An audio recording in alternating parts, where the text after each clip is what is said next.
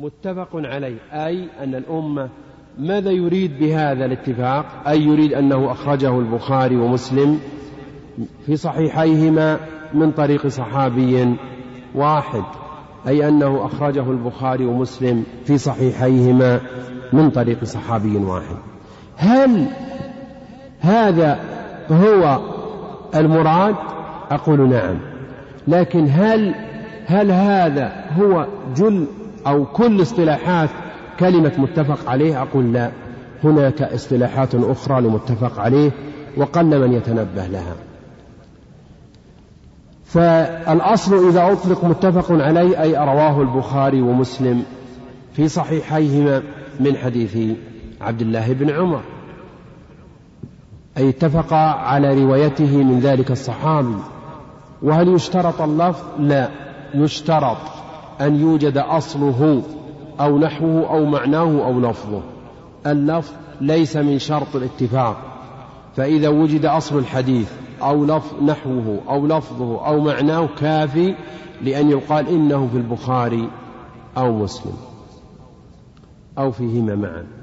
متفق عليه. لكن ما الاصطلاحات الباقية التي قل ما يتنبه لها؟ المجد بن تيمية في كتابه المنتقى الذي شرحه الشوكاني في نيل الأوطار له اصطلاح خاص في متفق عليه فإنه لا يطلق متفق عليه إلا إذا رواه البخاري ومسلم وأحمد من طريق صحابي واحد وهذا الاصطلاح الثاني. الاصطلاح الثاني للمجد بن تيمية في كتابه المنتقى اصطلاح خاص بأنه لا يطلق متفق عليه إلا إذا رواه البخاري ومسلم وأحمد من طريق صحابي واحد. هذا واحد. الثاني. الأمر الثالث ذكر ابن الصلاح ابن الصلاح في علومه في علوم الحديث له أن المتأخرين الذين يروون بالأسانيد كالحميدي والبيهقي يطلقون متفق عليه أي أن أصل الحديث موجود في البخاري ومسلم من طريق صحابي واحد. لا بقية حروفه وألفاظه وبناء عليه لا يجوز أن تأخذ حديثا مما أخرجه البيهقي في السنن وقال عنه متفق عليه وتقول هو بهذا اللفظ في البخاري أو في مسلم. فقد يكون هناك زيادات في في في, في الكلمات وقد يكون هناك زيادات في الألفاظ وفي غيرها ولكنه المراد به أن أصله موجود في البخاري ومسلم. وقد يكون هناك زيادات وقد يكون هناك نقص لأنه روى, لأنه روى بإسناده الخاص.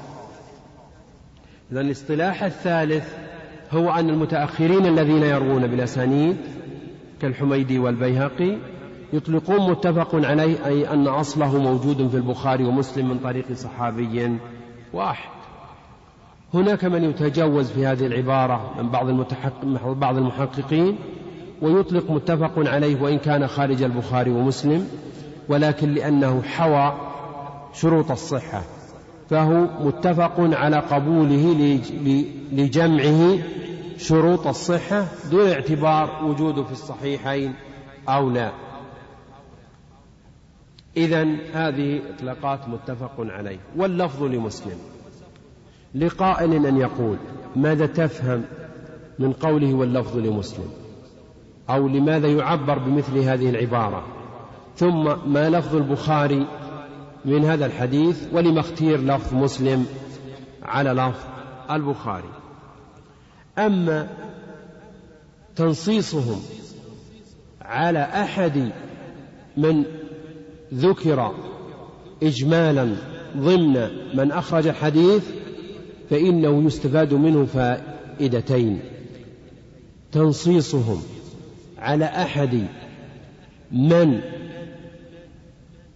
أجمل ضمن من أخرج الحديث. أحيانا يقول متفق عليه واللفظ واللفظ لأبي داود كما حد كما في حد لما أخرج أخرج ابن أو بالأصح أورد ابن حجر في البلوغ حديث أبي هريرة إنما جعل الإمام ليؤتم به. فإنه قال متفق عليه واللفظ لأبي داود. وهناك سبب يعني معروف في مكانه لكن أنا أتكلم في هذا الكلام. إذا لماذا ينص على أن لف هذا لفظ أحد من أجمل ممن أشير إليه في التخريج لسببين؟ السبب الأول الدقة في التعبير. الدقة في التعبير. والسبب الثاني العهدة من الاعتراض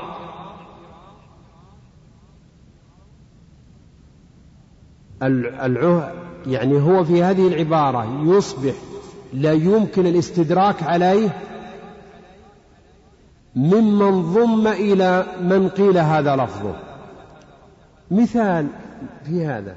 يعني الآن لما تسمع ابن حجر يقول واللفظ لمسلم ما يمكن أن تقول تستدرك عليه وتقول لم أجده بهذا اللفظ؟ في البخاري لأنه ضم هو الذي ضم إلى من قيل هذا لفظه. فلا تستدرك عليه فهو بهذا أصبح بمجرد قوله واللفظ لمسلم أصبح ليس من حقك أن تعترض عليه أن هذا ليس لفظ البخاري. لأن بتنصيصه على اللفظ لمسلم يفهم منه أن من ضم إليه رواه بنحوه أو بمعناه وليس هذا لفظه. يفهم بمجرد تنصيصه على أن لفظ فلان يفهم أن ما عداه إما بنحوه أو بمعناه ولا يمكن أن تستدرك عليه بأن من ضم إليه ليس هذا لفظه. توافقون لا؟ جيد. لقائل أن يقول إذن ما لفظ البخاري لهذا الحديث؟ لفظ البخاري لهذا الحديث هو صلاة الجماعة تفضل صلاة الفذ بسبع وعشرين درجة. إذا هو بنحو رواية مسلم بنحو رواية مسلم. صلاة الجماعة تفضل صلاة الفذ بسبع وعشرين درجة. لقائل أن يقول لم اختار لفظ مسلم؟ اختار لفظ مسلم لأنه أدق ولأنه أبلغ في المفاضلة. كلمة أفضل تدل على أن هناك شيئين اشتركا في صفة وزاد أحدهما على الآخر فيها. لما اختار لفظ مسلم؟ لأنه أدق ولأن لفظ مسلم أبلغ في المفاضلة. أبلغ في المفاضلة. تخريج الحديث. سم. ودي الله يجزاك خير. إني أكمل وبعدها أفتح لك المجال. بس دون العبارة حتى ما تنسى. وهذه هي السنة.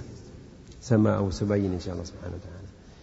آه، إذا لقائل أن يقول تخريجه تخريجه سبق أن بينت تخريجه فقلت إن مدار الحديث على نافع مولى بن عمر ورواه عنه أربعة.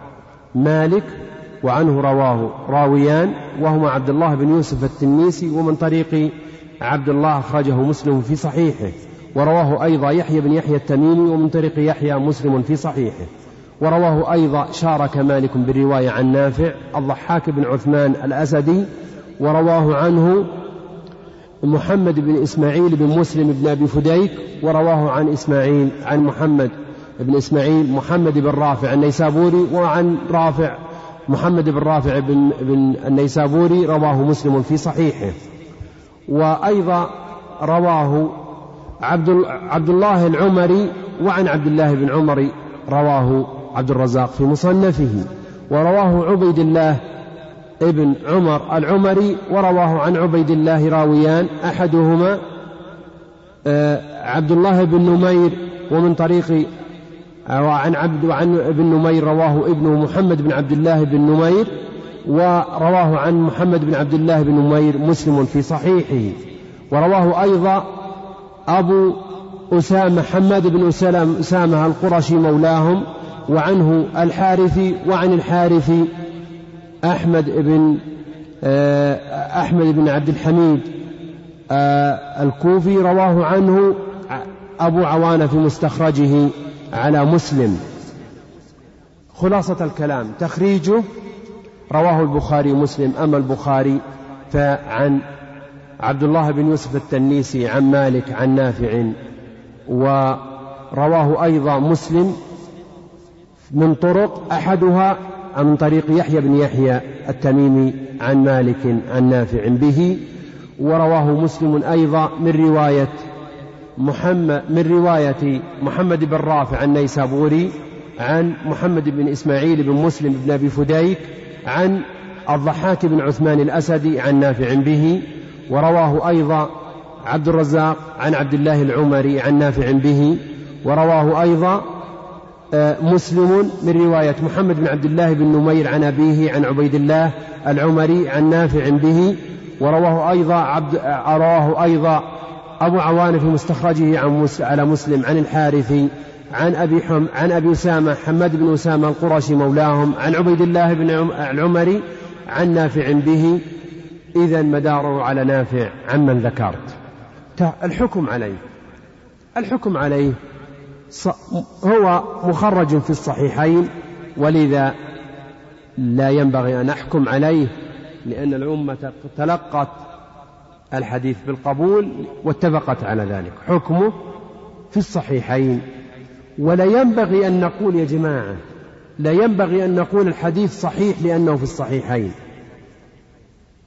لماذا؟ لأنك كأنك تصحح على ما في الصحيحين. تقول هو في الصحيحين إذا هو صحيح. نسمع كثير من الناس يقول الحديث صحيح لأنه في الصحيح. هذا الكلام العبارة وإن كان كلام صحيح إلا أن فيها نظر.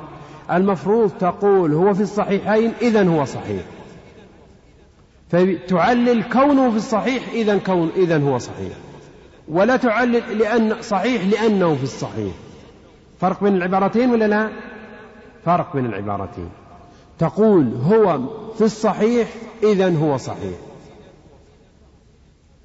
فتعلل الصحة لأنه في الصحيح ولا تعلل التصحيح لأنه في الصحيح. وفرق بين الأمرين لأن الأول تسليم مطلق لما في الصحيحين والثاني تعليل للتصحيح لوجوده. فكأنك أيضا أحيانا المرة صححت ومرة لا تصحح. فرق بين العبارتين ولا لا؟ إذا نلاحظ أننا خرجنا الحديث وحكمنا عليه. وحكمنا عليه بكونه في الصحيح وليس حكما بالتصحيح والتضعيف. إذا هناك مسائل كثيرة سأقتصر على بعضها لأن الوقت لا يسعد. هناك مسائل كثيرة. أول هذه المسائل ما أقل الجماعة؟ أقل الجماعة اثنان. كيف استدللنا على أن أقل الجماعة اثنين؟ في مفهوم مخالفة العدد هنا في مفهوم مخالفة المقابلة في عن طريق مقابلة مفهوم المقابلة وعن أدلة خاصة وإجماع. ثلاثة أمور أدت إلى أن مف... أن أقل الجماعة اثنين. مفهوم المقابلة لاحظوا معي. قابل الفذ بالجماعة وأثبت له أجر الجماعة مما يدل على أن ما عدا الفذ جماعة وما عدا الواحد اثنين. ما أقل الجماعة؟ أقل الجماعة اثنين بمفهوم المقابلة وفي الأدلة وفي الإجماع. من هذا الحديث قابل الفذ بالجماعة مما يدل على أن ما عدا الفذ جماعة وما عدا الواحد اثنين إذا هم جماعة واضح ولا لا؟ هذا مفهوم لكن هناك صريح إذا مفهومه أن أقل الجماعة اثنين إنه جعل ما عدا الفذ جماعة وما عدا الواحد اثنين يصدق عليه بأنه جماعة. إذا الاثنين فما فوقهما جماعة. هذا واحد. أدلة هناك وردت صريحة عن النبي صلى الله عليه وسلم. منها ما رواه ابن ماجه والبيهقي والحاكم وصححه والدار قطني من حديث أبي موسى الأشعري رضي الله عنه أنه قال الاثنان فمن فوقهما جماعة. الاثنان فمن فوقهما جماعة. رواه ابن ماجه وأيضا الحاكم في المستدرك وصححه وأيضا البيهقي والدرقطني في السنن. وللحديث شاهد من حديث أنس بمثله عند البيهقي في السنن الكبرى وضعفه وللحديث شاهد أيضا من حديث عمرو بن شعيب عن أبيه عن جده عند الدراقطني وللحديث شاهد أيضا عند ابن عدي في الكامل وضعفه من حديث الحكم بن عمير إذا هناك أحاديث عن رسول الله صلى الله عليه وسلم تدل على أن الاثنان فما فوقهما جماعة والأحاديث كلها لا تخلو من مقال أقواها حديث أبي, أبي موسى الأشعري ثم حديث أنس وحديث عمرو بن شعيب عن أبيه عن جده وحديث الحكم بن عمير. لكن هناك فعل ثابت عن رسول الله صلى الله عليه وسلم باعتداده بالآخر. ففي صحيح البخاري وغيره لما أما النبي صلى الله عليه وسلم ابن عباس في صلاة الليل لما أما لما بات عند خالته ميمونة في قصة مبيته عند خالته ميمونة وقصة مبيت مشهورة فصلى به ائتم الرسول صلى الله عليه وسلم أما ابن عباس واعتد به ما يدل على أن الاثنين جماعة. أما الإجماع فقد نقله النووي في الخلاصة. وقال ابن قدامة في المغني لا نعلم في ذلك خلافا بين أهل العلم. نقل الإجماع النووي في الخلاصة على الاثنين جماعة. وقال ابن قدامة في المغني لا نعلم بين أهل العلم خلافا في ذلك. لكن تعقب العراقي إجماع دعوى النووي الإجماع فقال إن في دعوى الإجماع نظر فإن ابن رفعة في كتابه الكفاية نقل عن قوم أنها ثلاثة ونقل ابن بطال في شرحه للبخاري عن الحسن البصري أن أقل الجماعة ثلاثة ولكن هذا القول يخالفه الأحاديث الثابتة ومنها هذا الحديث في المقابلة والنص والإجماع وبالتالي يحمل قولهم على معنى اللغوي وهذا في خصوص هذه المسألة بخصوصها أن الجماعة هم يريدون الجماعة في اللغة ولكن هنا أدلة وإجماع ومقابلة تدل على هذا فلا شك أن الأدلة الخاصة أولى من مطلق المعنى اللغوي في اللغة. هذه جزئية انتهينا منها. هنا مسألة كثيرة الوقوع. بما تدرك الجماعة. يعني متى يحصل لك هذا الفضل؟ وأيضا تبتعد عن الوعيد المترتب على تركك الجماعة. اختلف في هذه المسألة على قولين لأهل العلم بما تحصل الجماعة.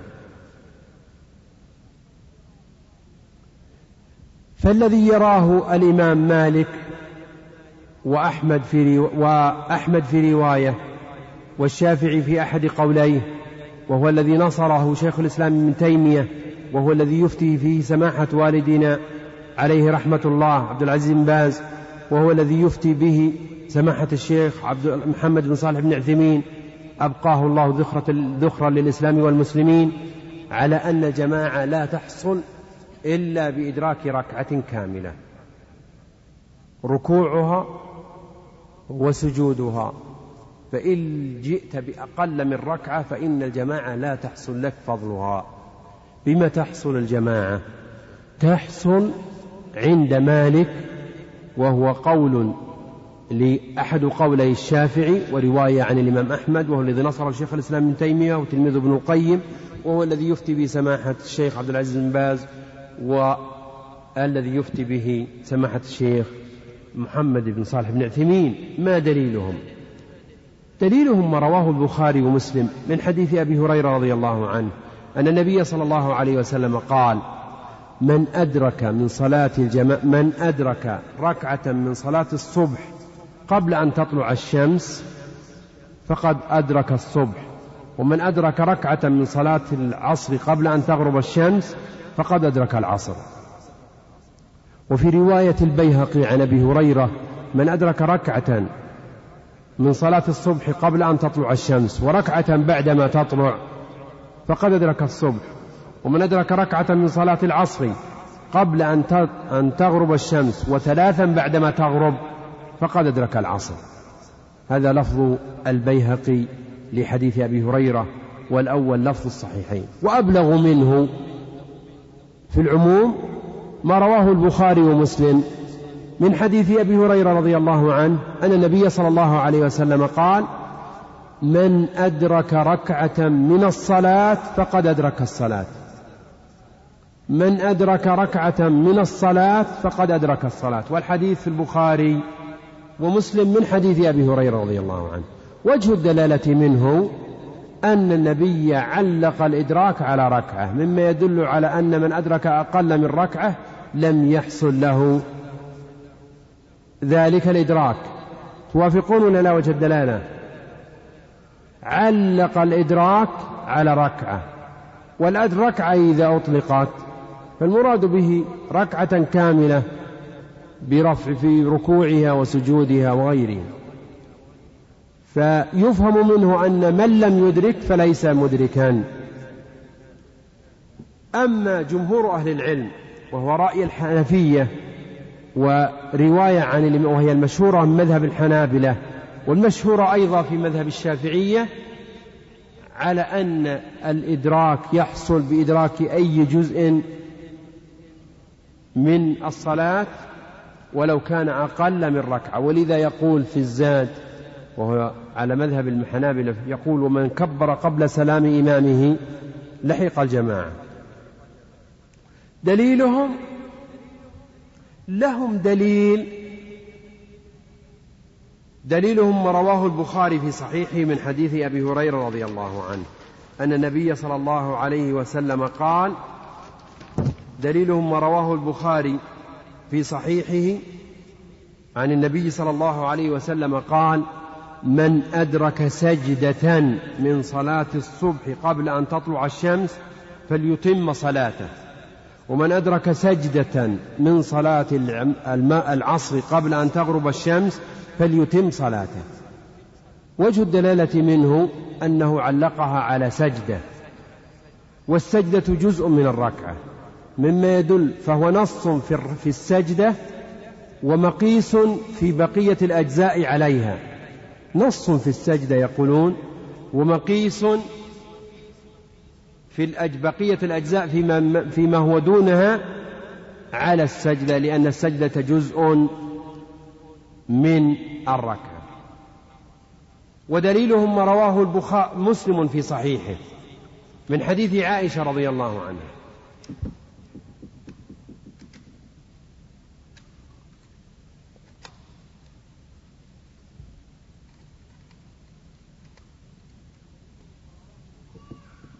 ودليلهم ما رواه مسلم في صحيحه من حديث عائشة رضي الله عنها أن النبي صلى الله عليه وسلم قال من أدرك من العصر سجدة قبل أن تغرب الشمس أو من الصبح قبل أن تطلع فقد أدركها والسجدة إنما هي الركعة.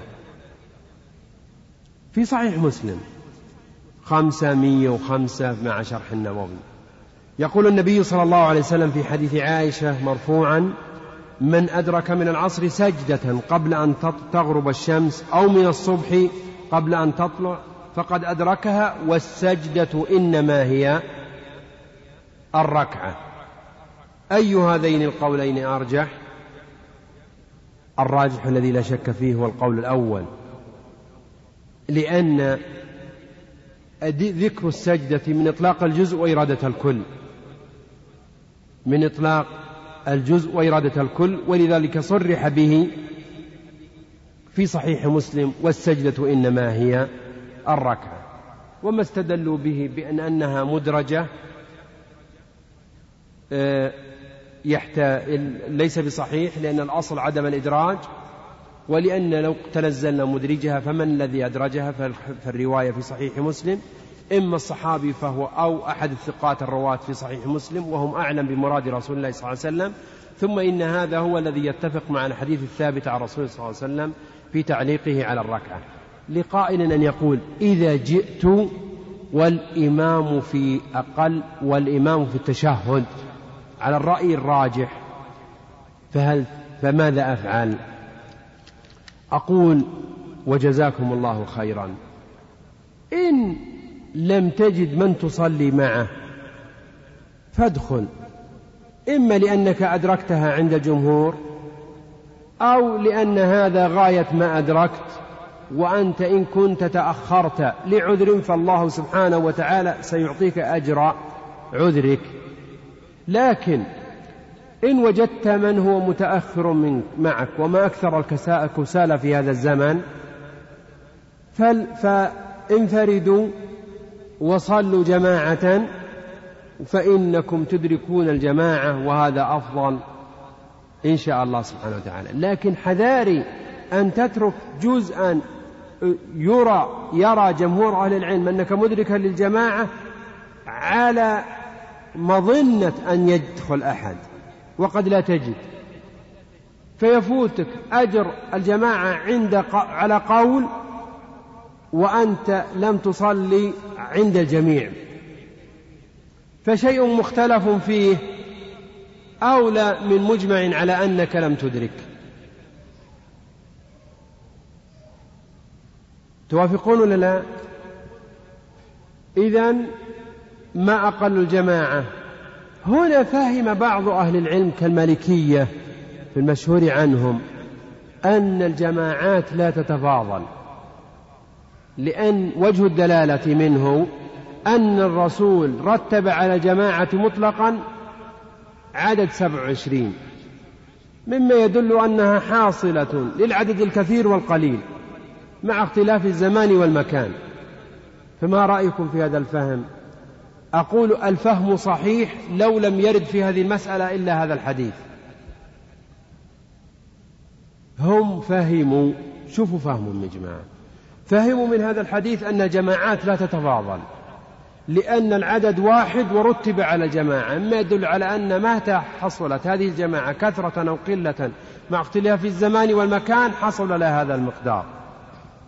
فما رأيكم في هذا الفهم؟ الفهم صحيح لو أن هذا الوحيد في هذه المسألة ولكن هناك أحاديث تدل على أن الفهم غير مراد والجمهور أهل العلم ومنهم الشافعية والمحققين أن هذا الفهم خطأ. لما؟ لما رواه أبو داود. والنسائي وابن ماجه من حديث أبي بن كعب رضي الله عنه. بإسناد صحيح. أن النبي صلى الله عليه وسلم قال صلاة الرجل مع الرجل أزكى من صلاته وحده. وصلاته مع الرجلين أزكى من صلاته مع الرجل. وكلما كان أكثر كان أحب إلى الله. صلاة الرجل مع الرجل أزكى من صلاته وحده وصلاته مع الرجلين أزكى من صلاته مع الرجل وكلما كان أكثر كان أحب إلى الله. ما يدل على أن في هذا الحديث الكثرة وإن كانت وإن كانت حصلت الجماعة إلا أن الكثرة لها مزية لأنها أحب عند الله سبحانه وتعالى. ثم إن الله الرسول صلى الله عليه وسلم أخبرنا أن الصلاة في مكة عن كم؟ عن مئة ألف صلاة والصلاة في مسجده عن ألف صلاة والصلاة في بيت المقدس أعاده الله على الإسلام والمسلمين قريبا ومكننا من الصلاة به إن شاء الله عن خمسمائة صلاة وهذا دليل على أن الصلاة أن المكان له أثره وكذلك الزمان وكذلك أيضا الكثرة كما في الحديث الأول أو البعد والخطى. لكن يستدل بهذا الحديث أن هذا أقل قدر يحصل للجماعة. ولكن لا يمنع أن يكون هناك مزية زيادات حاصلة إضافة إلى هذا الفضل إضافة إلى هذا الفضل. يفهم من هذا الحديث أن الجماعة قلت أو كثر قلت لها هذا. ولكن قد ينضم إليها. زيادة فضل إما لي إما لشرف مكان أو شرف زمان أو عدد أو كثرة عدد أو غيرها لكن هذا العدد ثابت لأقل الجماعة. وقد يضم إليها خير والله سبحانه وتعالى ذو الفضل والإحسان. إذا ما فهموا صواب؟ صواب لو أن هذه هذا الحديث وحده في المسألة. هنا مسألة أخرى في هذه الجزئية.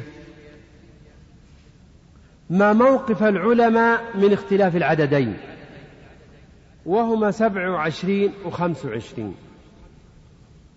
قبل أن أدخل في هذه الجزئية سبقا بينت أثناء تخريجي أن حديث عبد الله بن عمر اختلف فيه على ثلاثة ألفاظ. سبع وعشرين وهي رواية محفوظة أو معروفة محفوظة في مقابل الشاذ ومعروفة في مقابل المنكر. خمس وعشرين وهي إما شاذة أو منكرة بضع وعشرين ولا تعارض. إذا حديث عبد الله بن عمر من حيث اللفظ لكن هناك أحاديث كثيرة دلت على أن هناك خمسا وعشرين. فما موقف العلماء من هذا من اختلاف العديدين؟ للعلماء ثلاثة مواقف. للعلماء ثلاثة مواقف من اختلاف العددين. الموقف الأول الترجيح. ما معنى الترجيح؟ أي أخذ أحد العددين لمسوغ وترك الآخر. أي أخذ العدد أحد العددين لمسوغ وترك الآخر. فأي العددين أخذ؟ اختلفوا اختلفوا في ترجيح أحد العددين. فمنهم من رجح سبعا وعشرين. لما؟ قال لأن فيها زيادة من ثقة صحيحة فيجب قبولها. أعيد منهم من أخذ بسبع وعشرين وترك خمسا وعشرين. لماذا؟ قال لأن فيها زيادة وهي درجتين. من ثقة وهو عبد الله بن عمر صحيحة في الصحيح فيجب قبولها. ومنهم من عكس فأخذ بخمس وعشرين. لما؟ قال لأن هذه الرواية عليها جل الروايات ولم يذكر أحدا سبعا وعشرين إلا عبد الله بن عمر. فقد روى البخاري ومسلم من حديث أبي هريرة وقال خمس وعشرين. البخاري من حديث أبي سعيد الخدري وقال خمس وعشرين. آه، أيضا أبو سعيد الخدري كما في صحيح البخاري أيضا أنس عند السراج في مسنده المجلد الأول صفحة آه، لوحة آه، ستين باء.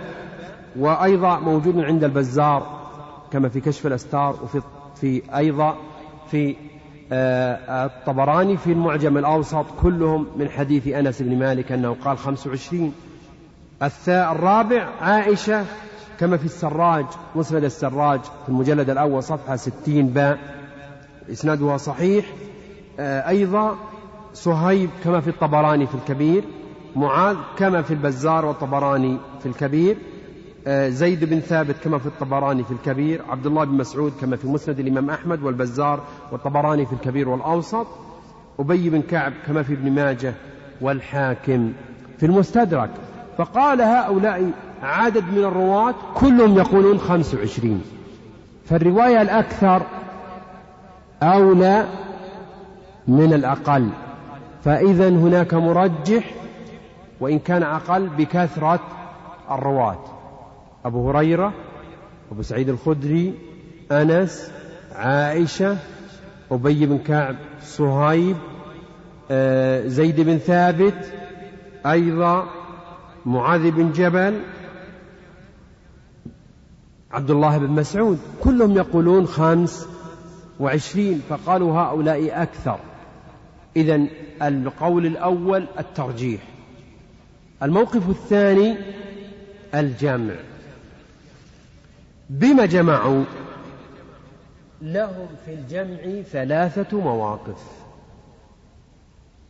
الموقف الأول الجمع باختلاف المصلي أو الصلاة. فقالوا إن السبع والعشرين والخمس والعشرين لا تعارض. إذا الجمع الأخذ بالدليلين معا دون مرجح الموقف الأول قالوا إن أن اختلاف العدد يختلف باختلاف المصلي فإذا كان أعلم فله سبع وعشرين وإذا كان أخشع فله سبع وعشرين وإذا كان تقدم وانتظر الصلاة فله سبع وعشرين وإذا كان أبعد فله سبع وعشرين وإذا كان فبدأوا وكل هذا الكلام يحتاج إلى دليل. باعتبار الصلاة نفسها. فإذا كانت العشاء فإنها سبع وعشرين لأن أثقل الصلاة على المنافقين. فإذا كانت الفجر فكذلك ولأنها أحد البردين العصر. ومنهم من قال باعتبار الصلاة فإذا كانت الصلاة جهرية فسبع وعشرين وإذا كانت سرية فخمس وعشرين وقالوا إن الصلاة الجهرية لاحظوا ملحظ كابن حجر والباجي ورجحوا هذا القول. فقالوا إن الصلاة الجهرية لو قارنا بينها وبين السرية وجدنا أنها تمتاز بميزتين وهي الإنصات للصلاة والتأمين ولذلك زادت درجتين. فقالوا السبع والعشرين مختصة بالجهرية والخمس والعشرين مختصة بالسرية. وعندي إن كل هذا الكلام فيه نظر. إذا باختلاف الصلاة أو المصلي ثم الجمع الثاني قالوا إن العدد الكثير العدد القليل لا ينافي العدد لا ينافي العدد الكبير. فيقولون أولا أخبر النبي صلى الله عليه وسلم بخمس وعشرين ثم إن الله من وجاد وتكرم ولطف بالأمة فزادها درجتين هذا الكلام مقبول في الجملة لكنه ليس بصحيح لأن من شرط معرفة هذا القول أن يعرف المتقدم والمتأخر ولا دليل على المتقدم والمتأخر. ومنهم من قال وهذا قوي إنه لا تعارض لأن مفهوم مخالفة العدد غير مرادة. عند جمهور الأصوليين مخالفة مفهوم مخالفة العدد غير مرادة عند جمهور الأصوليين وهذا له وجه قوي. وهذا يؤيده الكتاب والسنة. ألم يقل الله سبحانه وتعالى استغفر لهم أو لا تستغفر لهم إن تستغفر لهم سبعين مرة فلن يغفر الله لهم. ثبت في صحيح البخاري أن النبي صلى الله عليه وسلم قال لو كنت أعلم أن استغفاري ينفعهم لزدت عن السبعين. ففهم أنه استغفر أو لا تستغفر فإنه لن يغفر. فهم الرسول صلى الله عليه وسلم أنه استغفر أو لا تستغفر فإن الله لن يغفر لهم. إذا ذكر السبعين مفهوم مخالفة العدد. مرادة ولا لا؟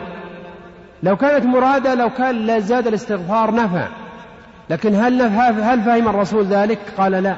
لو كنت أعلم أن استغفاري ينفعهم لزدت على السبعين.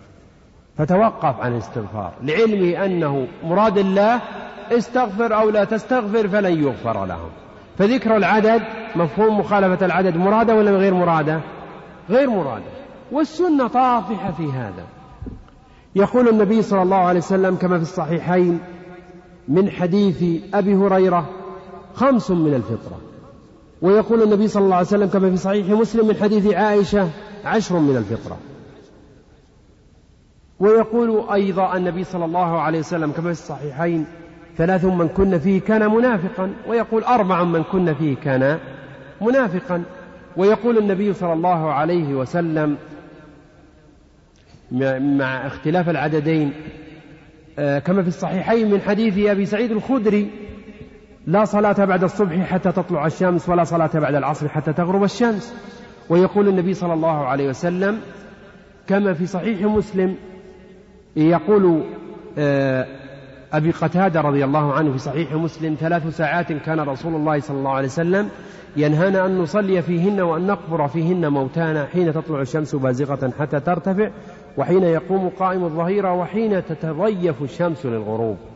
فأضاف موضعين ليست موجودة في الموضع الأول وبناء عليه نفهم أن مفهوم مخالفة العدد غير مراد وهذا من من أقوى ما اتفق أو ما قيل في هذه المسألة. والموقف الثالث التوقف. ما معنى التوقف؟ يعني أن الحديثين ثابتين وقالوا التوقف وما ليش توقفوا يا جماعة؟ قالوا توقفوا لأن هذه الأمور ثابتة عن رسول الله صلى الله عليه وسلم وهي مختصة بفضائل الأعمال ولا تدرك بالقياس ولا مدخل للنظر فيها وإنما هو التوقف إلى علم النبوة الذي قصر علم العلماء عن إدراك حقيقتها كلها. ولذا نسلم ونتوقف. وهذا أسلم للذمة والأول أقوى من حيث الدليل. هذا أسلم للذمة والأول أقوى من حيث الدليل. لوجود أحاديث مماثلة له في أن مفهوم مخالفة العدد غير مراد. إذا لما توقفوا؟ الأحاديث ثابتة هي فضائل أعمال لا تدرك بالقياس. ثم إن علمنا مهما وصلنا فلا يصل إلى كنه حقائق علم النبوة كلها. فلذلك نسلم ونتوقف. فإن كان الله من عليه وجاد وأعطاه سبع وعشرين فهو أهل للفضل والمن وإن أعطاه خمس وعشرين فهو جود وفضل ومنة من الله سبحانه وتعالى. إذا ما موقف العلماء من اختلاف العددين؟ إما الترجيح وإما الجمع وإما التوقف. إما الترجيح وإما الجمع وإما التوقف.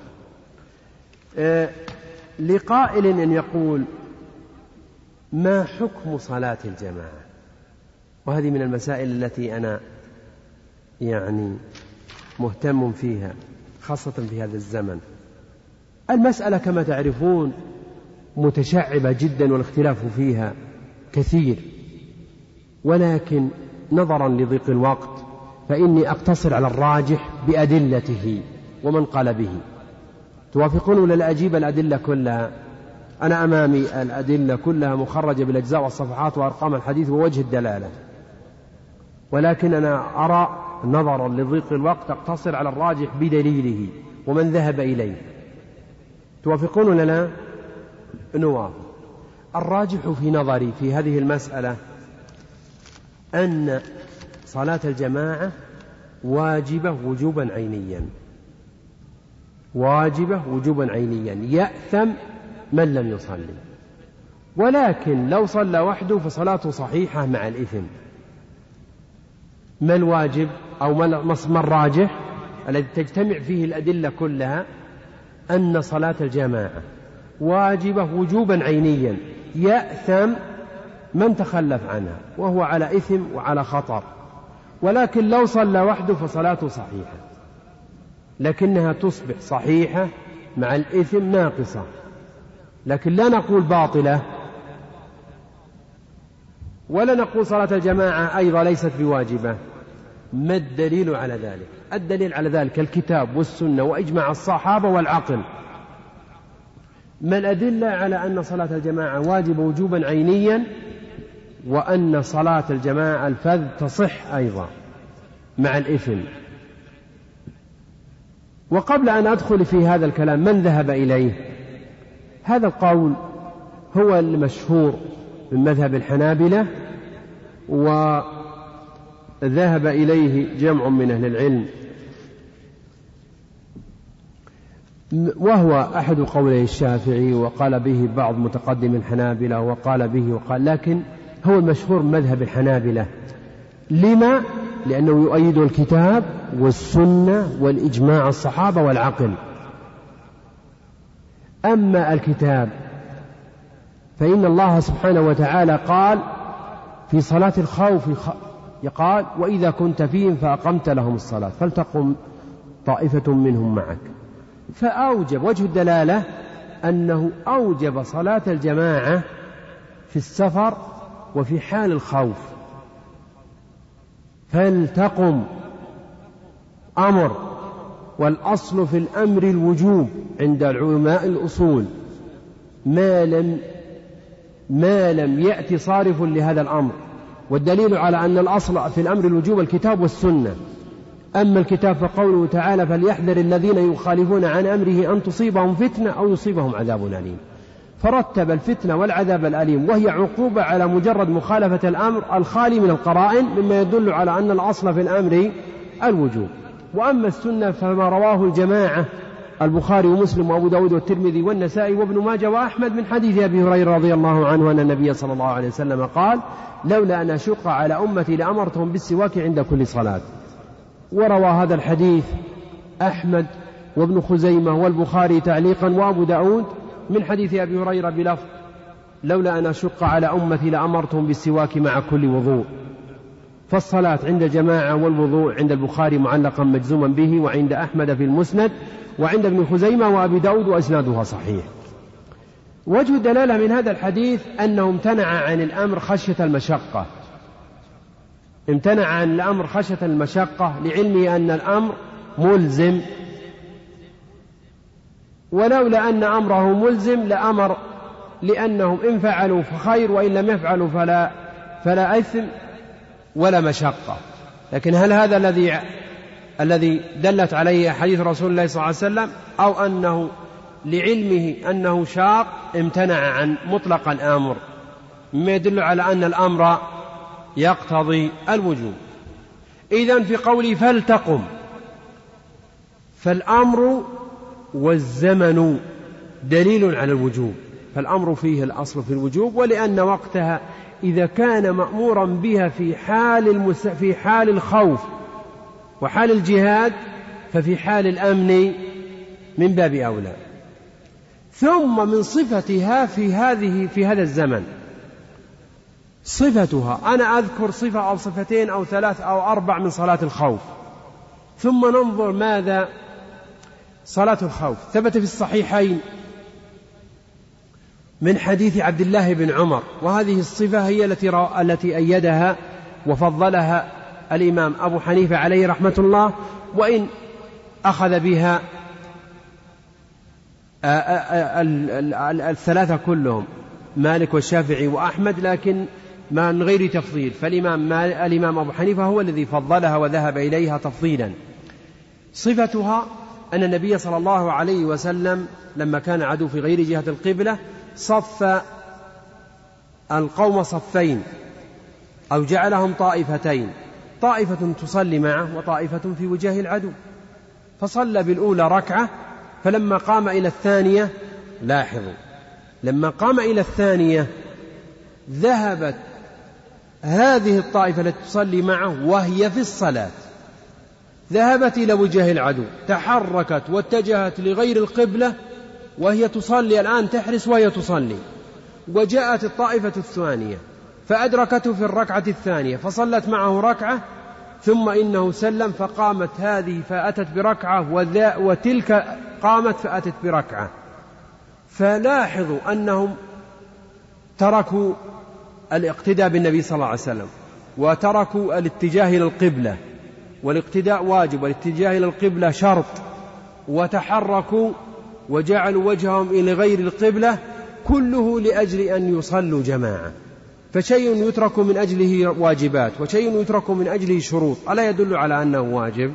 كان من حقه أن يقول صلوا كل على طريقته وصلوها بأقرب طريقة إلى الصلاة المعتادة ولا داعي للجماعة. وهذا جي ممكن يسوونه. من دون حركات ومن دون تقدمات ومن دون ترجعات ومن دون. الطريقة الثانية ثبت في الصحيحين من حديث سهل بن أبي خيثمة.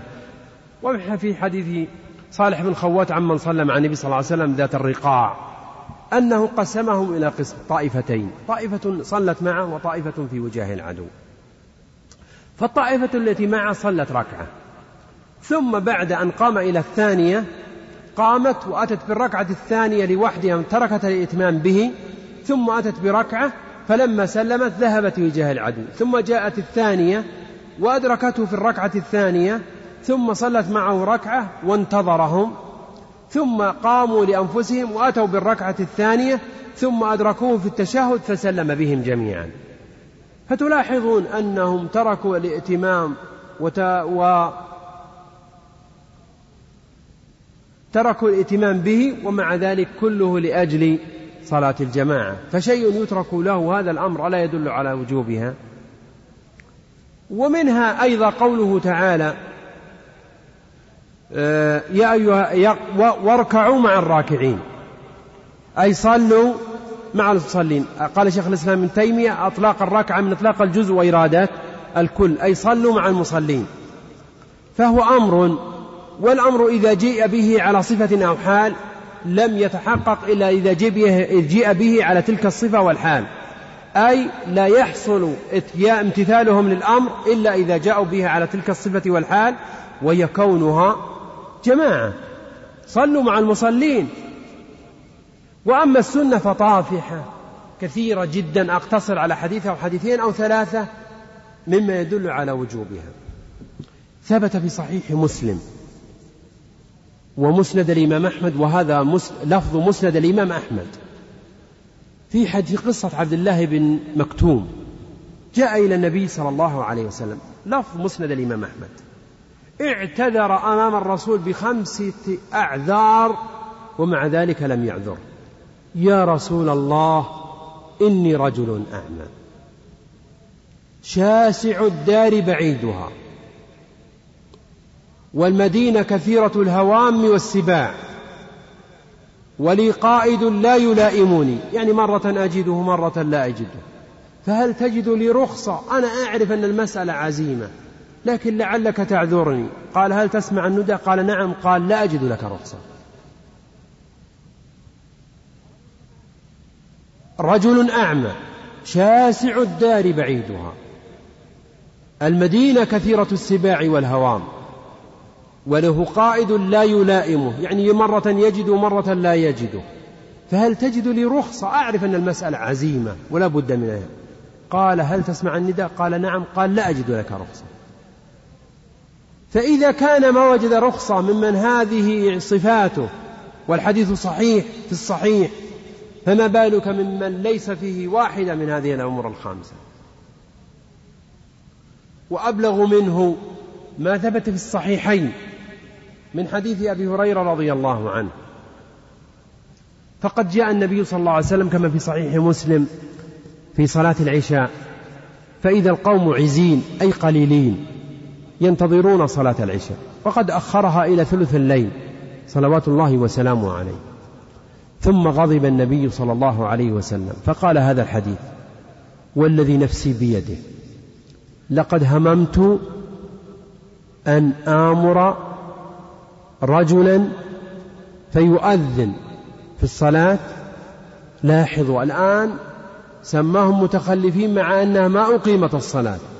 فقال بعض أهل العلم أن من أقيمت الصلاة ولم يحضر فهو متخلف متعرض للعقوبة. أمر رجلا فيؤذن ثم أمر رجلا فيؤم الناس ثم أمر رجالا ثم أخالف إلى رجال. لا يشهدون الصلاة فأحرق عليهم بيوتهم. في رواية يقول ثم أمر رجالا فيحتطبون بحطب. لاحظوا حطب ما قال خشب لأن الحطب يسهل إحراقه بالتالي يسهل القضاء عليهم. ثم أخالف يأتيهم من خلفهم بغتة حتى أداهمهم في قضيتهم قبل أن يأخذوا بالأسباب التي يبتعد عنهم وقوع آه، عقوبتي عليهم. لقائل أن يقول إنهم يصلون. في بيو إنهم لا يصلون. أقول لا ثبت في سنن أبي داود أنه قال إلى قوم يصلون في بيوتهم. إلى قوم يصلون في بيوتهم ومع ذلك يحرقهم. لقائل لعله أراد البيت لا أهلها. نقول يردها لفظ مسلم. فأحرق بيوتا على من فيها. مما يدل على أن أناس مرادين. لفظ مسلم فأحرق بيوتا على من فيها وليس البيت المراد وإنما من فيها. لقائل لما, لما لم ينفذ ورد في مسند الإمام أحمد بإسناد فيه ضعف ففيه أبي معشر عبد الرحمن بن نجيح السندي وقد سن واختلط. أن النبي صلى الله عليه وسلم من حديث أبي هريرة أن النبي صلى الله عليه وسلم قال لولا ما في البيوت من النساء والصبيان لحرقت عليهم بيوتهم. فمنعها منعه من ذلك من ليس من لم يجب عليه صلاة الجماعة وهم النساء والصبيان. فلقائل أن يقول يقول كيف استفيد من هذا الحديث وجوبها العيني استفيد منه من أنها عقوبة والعقوبة لا تكون إلا على ترك واجب. ثم إنها ليست بسنة وليست بفرض كفاية من هذا الحديث. أما أنها ليست بفرض كفاية لأنها لو كانت فرض كفاية لما هدد أصلا. لأن فرض الكفاية إذا حضر من يكفي سقط الإثم عن الباقين وصار في حقهم سنة. ولو كان كذلك لاقتصر الرسول على على نفسه ومن معه وجعل ولم يعر يتعرض لتهديد ذلك لأنها سنة في حقهم. ولو لم ت... ولو كانت سنة أصلا لما هدد أصلا لأن السنن السنن لا يعاقب عليها. وفرض الكفاية بعد سقوطها بحضور من حضر لا يعاقب عليها. ومع ذلك لم يكتفي هدد ابتداء مما يدل على أنها ليس بسنة ولم يكتفي به وبمن معه مما يدل على أنها ليست فرض كفاية وإنما هو إنما هي فرض عين. إذا الحديث يدل على أنها فرض عين ولا لا؟ بل وأكتفي بهذا الأمر بالنسبة للسنة وإلا في السنة طافحة. أما العقل فإن أما الإجماع الصحابة فقد نقله ابن القيم في كتابه في كتابه الصلاة. أجمع الصحابة على أن أن أن على وجوب صلاة الجماعة. أجمع. ولذلك كما في صحيح مسلم اعتبر أبو هريرة أن من خرج بعد بعد دخول بعد الأذان أنه معاص لأبي القاسم. لما أنه قرأ أذن المؤذن كما في صحيح مسلم ثم قام رجل فأتبعه أبو هريرة بصرة فلما خرج قال أما هذا فقد عصى أبا القاسم. صلى الله عليه وسلم. لماذا؟ لأن الخروج بعد الأذان مظنة عدم إدراك الجماعة والعصيان لا يكون إلا على ترك واجب. أما هذا فقد عصى أبا القاسم صلى الله عليه وسلم. فقد أجمع كما نقل أجمع الصحابة على أن صلاة الجماعة واجبة كما نقل ذلك ابن القيم في كتابه الصلاة. وأما العقل فإنه يقتضي ذلك. وذلك من وجوه. أولا أمر يترك من أجله شرط بالإجماع. ألا يدل على أن أقل أحواله أنه واجب؟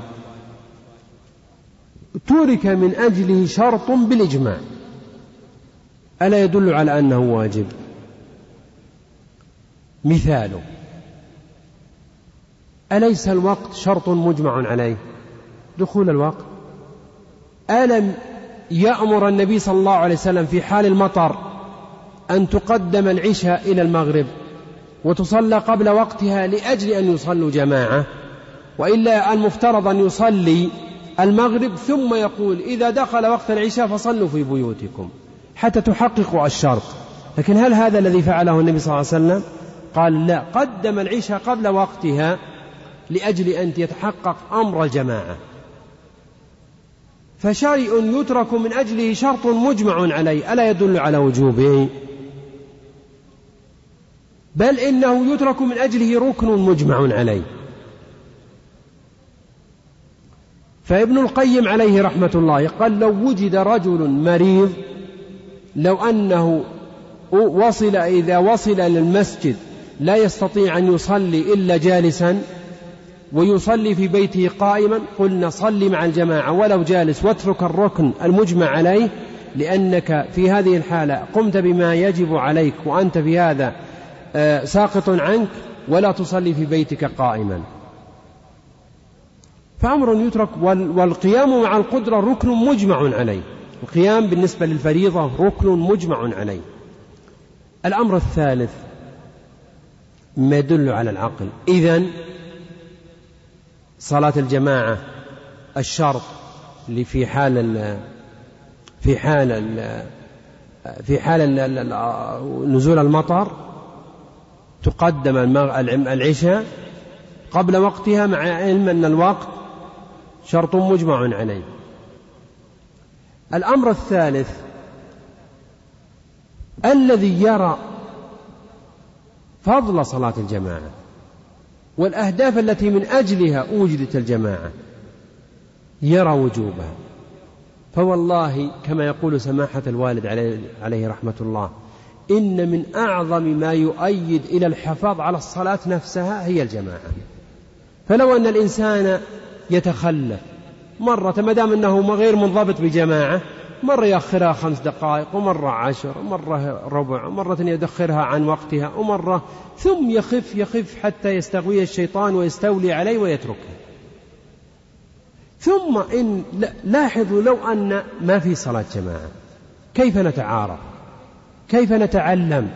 كيف نعرف مشاكل بعضنا من بعض. كيف نعرف الفقير؟ كيف نعرف المقصر؟ كيف نعرف الذي مهتم في دين الإسلام؟ كيف نعرف؟ كيف نعرف؟ أمور كثيرة من أجلها تركت الجماعة. لو أننا قلنا سنة لقلنا أنه صل أو لا تصلي فإنك لست بآثم. فالذي يرى المقاصد التي من أجلها أوجدت الجماعة يرى أنها واجبة. هذه بعض أدلة وجوبها. وهنا مسألة أخرى. المسألة الأخرى وبها أقتصر ولولا أنها مهمة جدا لما لما تعرضت لها. وأنتم إن شاء الله على أجر وأنتم إن شاء الله على خير.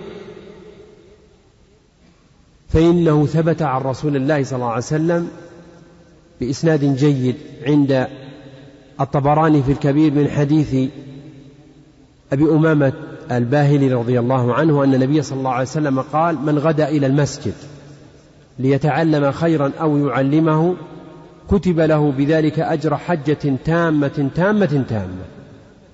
وأنتم إن شاء الله ذهب جلستم غدوتم إلى المسجد لخير فلكم أجر حجة تامة تامة تامة بلفظ رسول الله صلى الله عليه وسلم. فقد قال عن هذا الحديث العراقي في تخريجه لإحياء علوم الحديث إسناده جيد. آه هذه المسألة هي ما الأمور المعينة لأجل أن تؤدى صلاة الجماعة فجرا. لماذا؟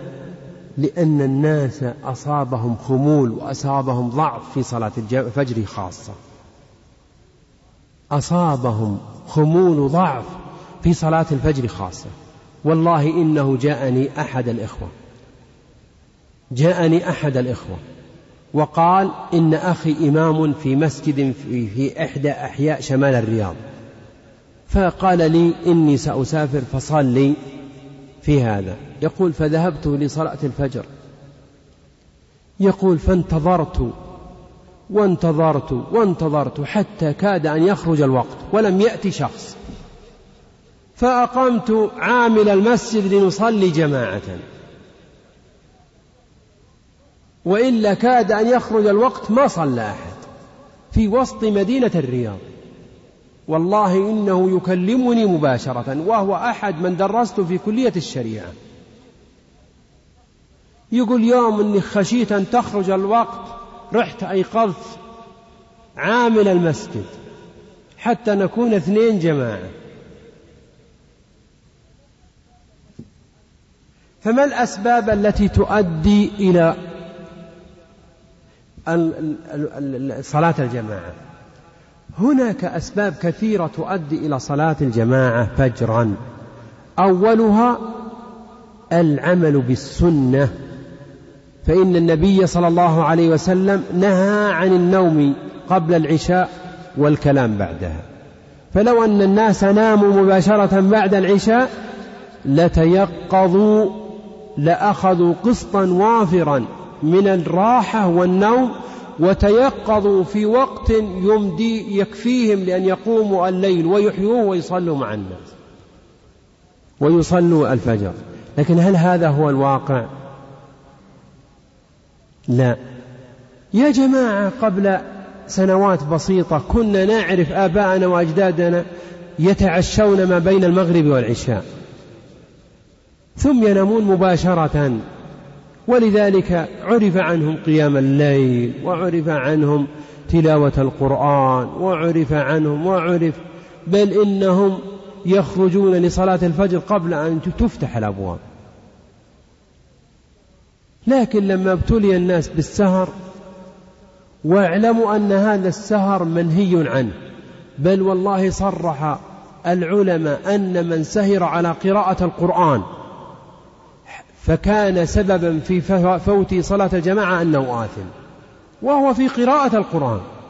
وهو يتقرب إلى الله بأفضل ألفاظه بأفضل قول نزل على بشر على بشر فما بالك فيما يسهر في القيل والقال؟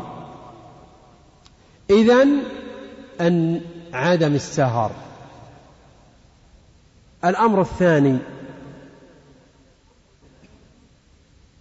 الأمر الثاني هو محاولة فعل السنة في النوم بأن يتوضأ ويذكر الأوراد وينام على جنبه ويقرأ آية الكرسي وينفث على في يديه ثلاثا يقرأ قل هو الله أحد ثلاثا قل أعوذ برب الفلق ثلاثا ثم قل أعوذ برب الناس ثلاثا ثم يمسح بها ما استطاع من بدنه ثم إنه ينام على هذه النوم على جنبه فإنه يبعد عنه الشيطان. فقد ثبت في صحيح البخاري من حديث أبي هريرة في قصة في قصة آه، الشيطان مع أبي هريرة ثلاث الليال فإذا قال إذا أردت أن يبتعد عنك الشيطان يكون عليك آه، الشيطان يكون عندك حارس فإنه اقرأ آية الكرسي في كل ليلة. الأمر الثالث إذا فعل الأوراد وتهيئة الأسباب بحيث يكون نائم متأخر متقدم وأيضا متوضئ وفاعلا للأوراد ثم بعد ذلك على جنبه الأيمن ويقرأ آية الكرسي وقراءة قل والله أحد ثلاثا وقل أعوذ برب الفلق ثلاثا قل أعوذ برب الناس ثلاثا ثم يمسح. الأمر الثالث تذكر الوعد المترتب على صلاة الجماعة فضل صلاة الجماعة. ألم تسمعوا ما ثبت في صحيح مسلم من حديث عثمان بن عفان رضي الله عنه؟ من صلى العشاء في جماعة فكأنما قام نصف الليل. ومن صلى الفجر في جماعة فكأنما قام الليل كله. لك أجر كأنك نصبت الليل كله. ويقول النبي صلى الله عليه وسلم كما في الصحيح من صلى العشاء في جماعة فهو في ذمة الله حتى يصبح. ومن صلى الفجر في جماعة فهو في ذمة الله حتى يمسي. فالله يحفظك والله يسددك والله يعينك والله يحميك في زمن كثرت فيه شياطين الجن والإنس. ومنها أن صلاة الجماعة سبب لدخول الجنة. فقد ثبت في الصحيحين النبي صلى الله عليه وسلم قال من صلى العش من صلى البردين دخل الجنة البردان هما الفجر والعصر. فهي سبب لدخول الجنة ومنها أيضا منها أنها تبعد عن صفات المنافقين أثقل الصلاة على المنافقين صلاة الفجر وصلاة العشاء ولا يعلمون ما فيهما من الأجر لأتوهما ولو حبوا ومنها الوعيد المترتب على من لم يصلي جماعة. الوعيد المترتب. فقد هم الرسول صلى الله عليه وسلم بإحراق من تأخر عن صلاة الجماعة.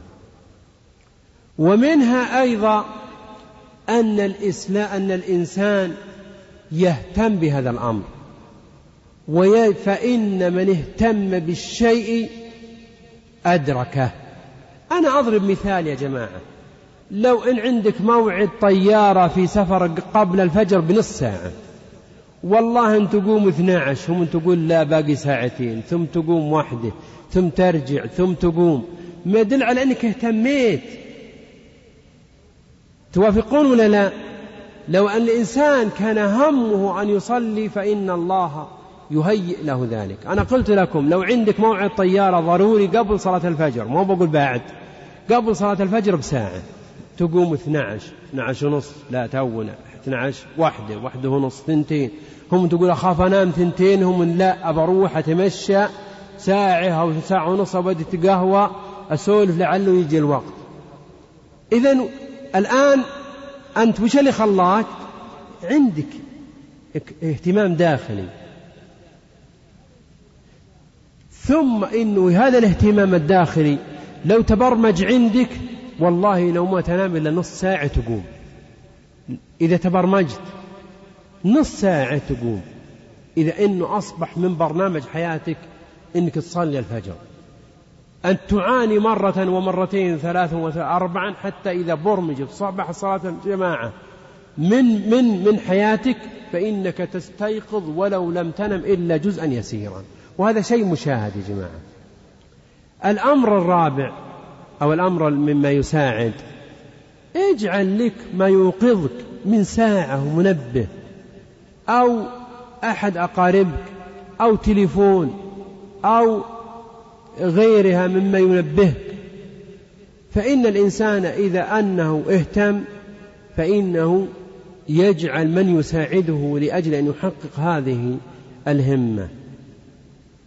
أسأل الله سبحانه وتعالى أن يوقظ قلوبنا وأن يوفقنا لأداء الصلاة على الوجه الذي أمرنا بها وأن يجعلها في ميزان حسناتنا يوم نلقاه وأن يجعلها شافعة لنا يوم نلقاه وأن يجعلها إن شاء الله ممن مما يقربنا إلى الله فإن أول ما يسأل عنه العبد يوم القيامة صلاته. فإن صلحت صلح بقي عمله وإن فسدت ردت عليه بقية أعماله. إنه جواد كريم وصلى الله وسلم على نبينا محمد. آه، سؤالك نسيت أنا.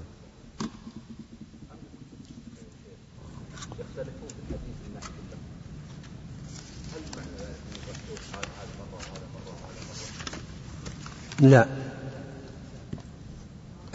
يختلفون لأن الصحابة يروون بالمعنى. ثم إن الرواة يختلفون أيضا في قوة حفظهم وقوة استذكارهم.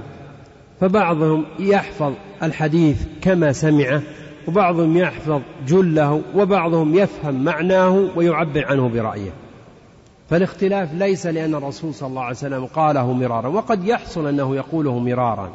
لكن لا لأنهم يؤمنون بأنه لم يتعبد بلفظه وإنما متعبد بمعناه. ولذلك الصحابة يروون بالنحو وبالمعنى والرواة عنهم أيضا يختلفون فحفظهم يختلف يتفاوت. فهناك الحافظ الذي الحافظ الذي يأتي بالشيء على لفظه وهناك الذي يأتي به بنحوه وهناك الذي يروي معناه ويصوغه بلفظه. فالاختلاف من هذا القبيل.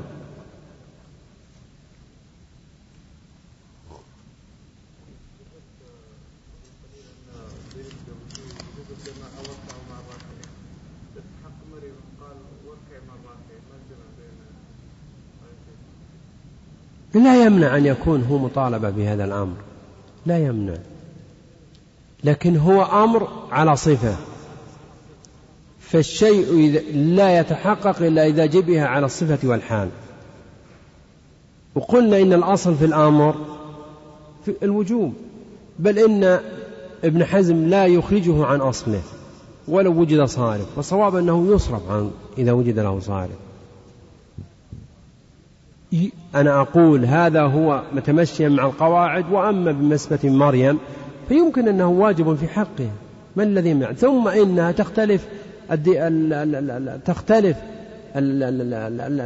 الملل والأداء فقد يكون الأمر في حقهم غير الأمر في حقنا قد يكون هي بخصوصها مأمورة غير المأمور غيرها فأنا مشيت في الآية على مقتضى القواعد العامة وأما بخصوص مريم فإنها لا تتنافى إما لخصوصيتها وإما لاختلاف الديانات وغيرها.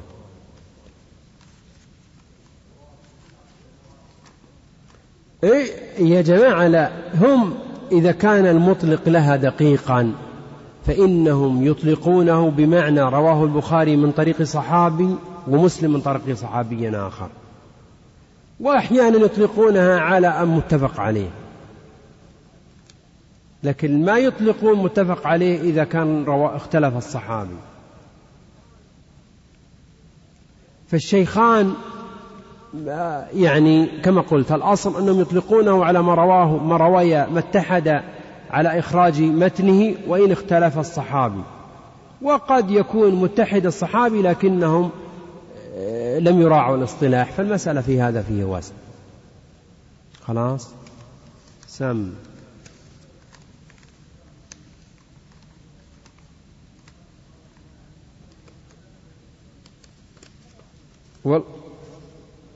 هذا رأي الجمهور يا جماعة لكن ليس معهم دليل والأدلة على خلافه. ليس معهم دليل ثابت والأدلة على خلافه. فإن النبي صلى الله عليه وسلم قال من يتصدق على هذا؟ فأمر بإعادة الجماعة أمامه وهو نفسه أعاد الجماعة النبي أعاد الجماعة. لحظة الله يجزاك خير. ألم يثبت عند أبي داود من حديث أبي هريرة في, في صلاته صلاة الخوف أنه صلى بجماعة الركعتين ثم سلم ثم صلى مع في, في جماعة الركعتين ثم سلم فأعادها نفسه. ثم ثبت في الصحيحين من حديث جرير جابر بن عبد الله رضي الله عنه أن معاذ بن جبل يصلي العشاء مع النبي ثم يذهب فيصلي معه يعيدها مرة أخرى بقومه إماما. ولذا يقول ابن القيم وعند وذلك وذلك عند أبي العباس وذلك عند أبي العباس وذلك عند أبي العباس جائز لفعل معاذ في صحابة أحمد أي تعدد الجماعات أو صلاة المتنفل بالمفترض. فأما هم فأنا رأيت أدلتهم إما لا تثبت أصلا أو عللت بتعليل مخالف للدليل. فقالوا إن السبب في ذلك أن الإمام الأصلي إذا رأى جماعات قد يكون يظن أنهم تواطؤوا على التأخر حتى لأنهم لا يريدونه في خلقه أو دينه. وهذا الكلام أصلا غير وارد في ذهن الإمام لأنه يعرف أن هؤلاء تأخروا لظروف وأنهم لم يتأخروا لشيء في ضده ثم إن الدليل أولى من التعليل.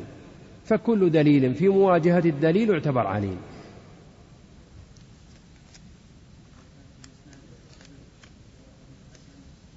يعتبر الحديث حسن نعم.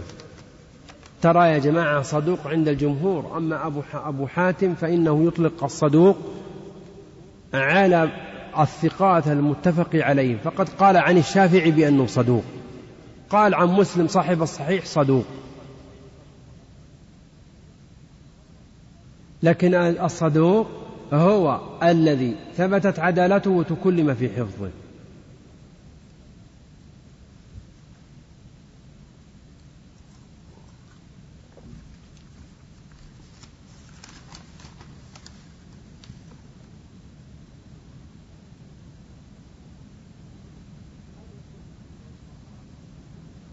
هذا يقول نشهد الله على حبكم نقول أحبك الله في الذي الذي أحببتني فيه.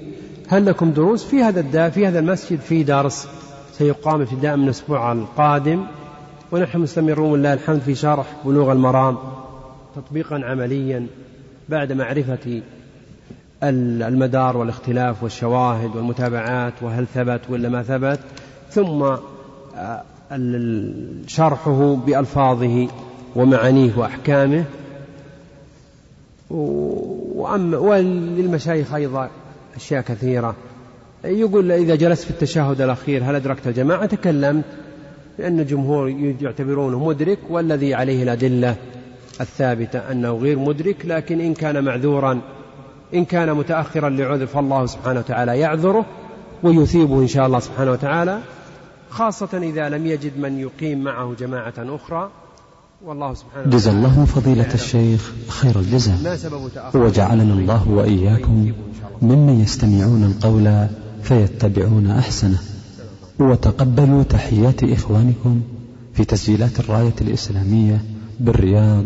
والسلام عليكم ورحمة الله وبركاته. انتهت مادة هذا الشريط. ويسرنا أن نكمل ما تبقى من هذا الشريط بهذه المادة لا أبدا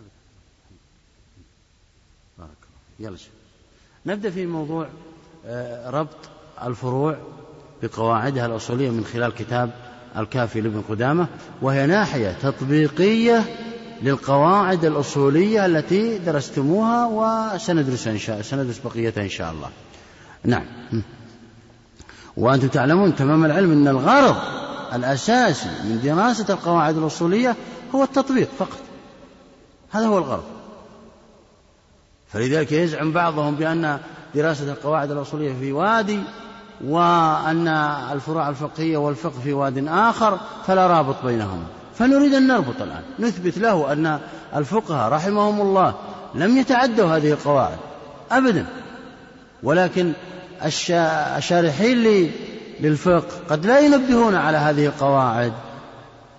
لعدم العلم أو للتساهل أو لأنه يزعم بأن الطلاب يعرفون ذلك فلا بد من الربط. نعم. قال شيخ الإسلام موفق الدين عبد الله بن محمد المقدسي رحمه الله وإن غير الطاهر صفة الماء لم يخلو من, أربع من أوجه أربعة. أي نعم. هو فيما سبق إذا لم يغير هذا الطاهر صفة الماء. لم يغير لا الريح ولا الطعم ولا اللون. سبق هذا وانتهينا منه وبينا آه، مدى اعتماد الأحكام على قواعدها الأصولية الآن ناحية أخرى. إذا غير هذا الطاهر أي طاهر؟ من المأكولات. إذا غير صفة من صفاته اللون أو الريح أو الطعم. فما الحكم؟ قال أن عندنا أربعة أوجه. هذا الذي يغير هي أربعة أوجه أربعة أمور. وكل أمر له حكم شرعي. نعم فنقول. أحدها ما يوافق الماء في الطهورية كالتراب وما أصله الماء كالملح المنعقد من الماء. ما, ما يوافق الماء في الطهورية. بمعنى أنه لا ينفصل عن الماء. آه، يشتركان في أنه يتطهر منه. كالماء آه، كالتراب. طبعا اختلف العلماء. هل كلمة التراب تعم التراب الأصلي أو التراب الموضوع في الماء الذي وضعه شخص آخر؟ فقال بعضهم يضم الأمرين لأن هذا أيضا التراب الموضوع في الماء. حادثا هو أصله مأخوذ من شيء قد جرى عليه الماء. نعم. أحدها ما يوافق الماء في الطهورية كالتراب وما أصله الماء كالملح المنعقد وما أصله الماء كالملح الطبيعي. لأنه سيأتينا الملح المعدني وهو الملح الصناعي. هنا يقول الملح الطبيعي الذي نشأ من الماء أصلا. ها نعم. فلا يمنع الطهارة به لأنه يوافق الماء في صفته. فلا يمنع التطهر به. لماذا؟ ما هو دليل وهذا الذي يهمنا؟ ها؟ لأنه يوافق الماء في صفته أشبه الثلج. أشبه الثلج. هنا قياس. له أربعة أركان. الأصل هو الماء الذائب الذي أصله ثلج. هذا الأصل. اتفق العلماء على أنه إيش؟ يتطهر منه. لاحظوا لا يقاس على شيء إلا إذا إذا ثبت بالنص من الكتاب والسنة أو اتفق العلماء عليه. فهنا الذائم من الثلج الذي أصله ثلج يجوز أن نتطهر منه. لم يخالف أحد. أما الفرع فهو إيش؟ فهو الماء الذي وضع فيه آه، شيء طاهر أو الذي آه، كالتراب وكالملح. العلة الجامعة بينهما أن كل منهما لم يغير صفة من صفات الماء. هذه العلة الجامعة منه. فالماء الذي أصله ثلج الذائب يسمى ماء. وهذا التراب الذي وضع على الماء أو, أو, أو هذا الملح المعدني وذاب أو نحو من ذلك فإنه إيه؟ آه، لم يغير شيء من هذا. الحكم كما أنه يجوز التطهر بالماء الذائب من الثلج كذلك يجوز أن نتطهر بالماء الذي وضع فيه تراب تراب أو ملح معدن ملح طبيعي نعم. والثاني ما لا يختلط بالماء كالدهن والكافور والعود. إي نعم. آه الذي لا يختلط بالماء. هناك الملح اختلط بالماء. والتراب كذلك اختلط بالماء.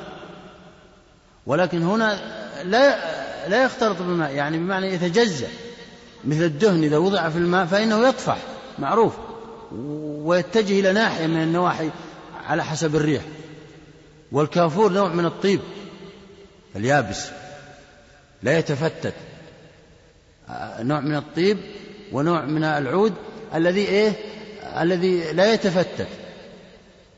كذلك العود يتبع الدهن لأنه دهن عود يسمى. فهذا لا يختلط بالماء. نعم. فلا فلا يمنع لأنه تغير عن مجاورة. أي نعم. فلا يمنع التطهر بالماء الذي اختلط فيها اختلطت فيه هذه الأمور. لماذا قال؟ فأشبه ما لو تغير الماء بجيفة بقربه. أيوة. هنا قياس. أنا قلت لكم وسأثبت. بعضهم يدعي بأنه لا صحة لمن قال بأن ثلاثة أرباع الفروع الفقهية قائمة على القياس. وسيثبت المؤلف هنا أن القياس هو أصل كل شيء ترى. من تعلم القياس عرف عرف كيف يستدل بالنصوص. المهم هنا قياس. يقولون كما أن الجيفة المجاورة آه، للماء إذا غيرت رائحة الماء يجوز أن نتوضأ من الماء. فكذلك هذا الدهن الذي اختلط بالماء إذا غير رائحته فإنه يجوز أن نتوضأ به. الجامع. عدم الاختلاط في كله عدم الاختلاط الدقيق يعني في كله ولا وجد اختلاط ظاهري لكن لم يخت... لم يوجد اختلاط دقيق. والحكم كما قلنا الأصل هو الجيفة إذا جاورت الماء فإنه يجوز أن نتوضأ بالماء المجاور لهذه الجيفة إذا غيرت صفته الفارق الدهن أو الكافور أو غيره إذا وجد في وسط الماء وغيرت صفة من صفاته. العلة الجامعة بينهما ها ما الاختلاط في كل أو أو لحظة عدم الاختلاط أنا قلت ماذا؟ عدم الاختلاط في كل. عدم الاختلاط في كل فإن العود والكافور وغيره لم يختلط في الماء ترى. وكذلك الجيفة لم تختلط في الماء. فجاز التطهر بذلك. واضح الكلام؟ نعم مثل الآن يعني الجيفة بقربها بينما هذا ملاصق بالماء العود وكذا. يقول زميلكم أن هذا قياس مع الفارق كلام صحيح. يعني بالنظرة السطحية يقول أن هذا قياس مع الفارق والقياس مع الفارق فاسد فلا يقبل. نقول لا قياس صحيح. لماذا؟ لأن الجيفة تؤثر في رائحة الماء ترى ومن وجد جيفة بجانبها ماء يجد هذا. كذلك هذا الطيب يؤثر في رائحة الماء. فهنا يحصل تغيير بسبب إما موجود في وسط الماء أو مجاور. المهم أنه حصل تغيير في إيه؟ في الرائحة. هذا هو الأصل في الجامع يعني. فلذلك قلنا بأنه يجوز أن نتوضأ منه. نعم يمشي والثالث ما لا يمكن التحرز منه كالطحلب وسائر ما ينبت من في الماء. وما يجري عليه الماء من الكبريت والقار وغيرهما وورق الشجر على السواق والبرك وما تلقيه الريح والسيول في الماء من الحشيش والتبن ونحوهما فلا يمنع لأنه لا يمكن صون الماء عنه. أي نعم. هنا النوع الثالث يقول الأشياء التي تختلط في الماء ولكنها آه، تختلط ضرورة. مثل أوراق الشجر مثل غير مما ينبت في الماء. ضرورة لا نستطيع. يعني نجد مشقة عظيمة إذا حاولنا انتزاع هذا الشيء من الماء. بل إذا حاولنا انتزاعه يتغير ماء الماء ويفسد علينا الماء أكثر مما نريد أن نصلحه. فهنا يجوز أن نتطهر منه. ما هي ما هو الدليل؟ هو المصلحة. هنا. الدليل المصلحة المرسلة هنا. كيف؟ أنه إذا اشتغل الإنسان بإزالة هذه الأمور فإنه تلحقه مضرة ومفسدة. وإذا ترك هذه الأمور في الماء فإن فإن فيه فائدة ومنفعة. والمصلحة المرسلة كما قلت لكم فيما سبق هي إيش؟ هي جلب المنفعة ودفع المفسدة. فهنا الدليل هو المصلحة. لذلك يقول لا يمكن التحرز منه. يصعب التحرز منه. بمعنى آه لما أمر الشرع وبين بأنه لا يعني يؤثر هذا رفعا للحرج عن المكلفين. ورفع الحرج يدخل في المصالح. معي أنتم؟ نعم يمشي واضح مشايخ؟ نعم. الرابع ما سوى هذه الأنواع كالزعفران والأشنان والملح المعدني. ما سوى الأنواع يعني غير التراب وغير الملح وغير ما ذكره من أوراق الأشجار وغيره حكمه سيأتي وهو كالزعفران إذا وجد في الماء. نعم. أعد. جزا الله فضيلة الشيخ خير الجزاء. وجعلنا الله وإياكم ممن يستمعون القول فيتبعون أحسنه. وتقبلوا تحيات إخوانكم في تسجيلات الراية الإسلامية بالرياض. والسلام عليكم ورحمة الله وبركاته.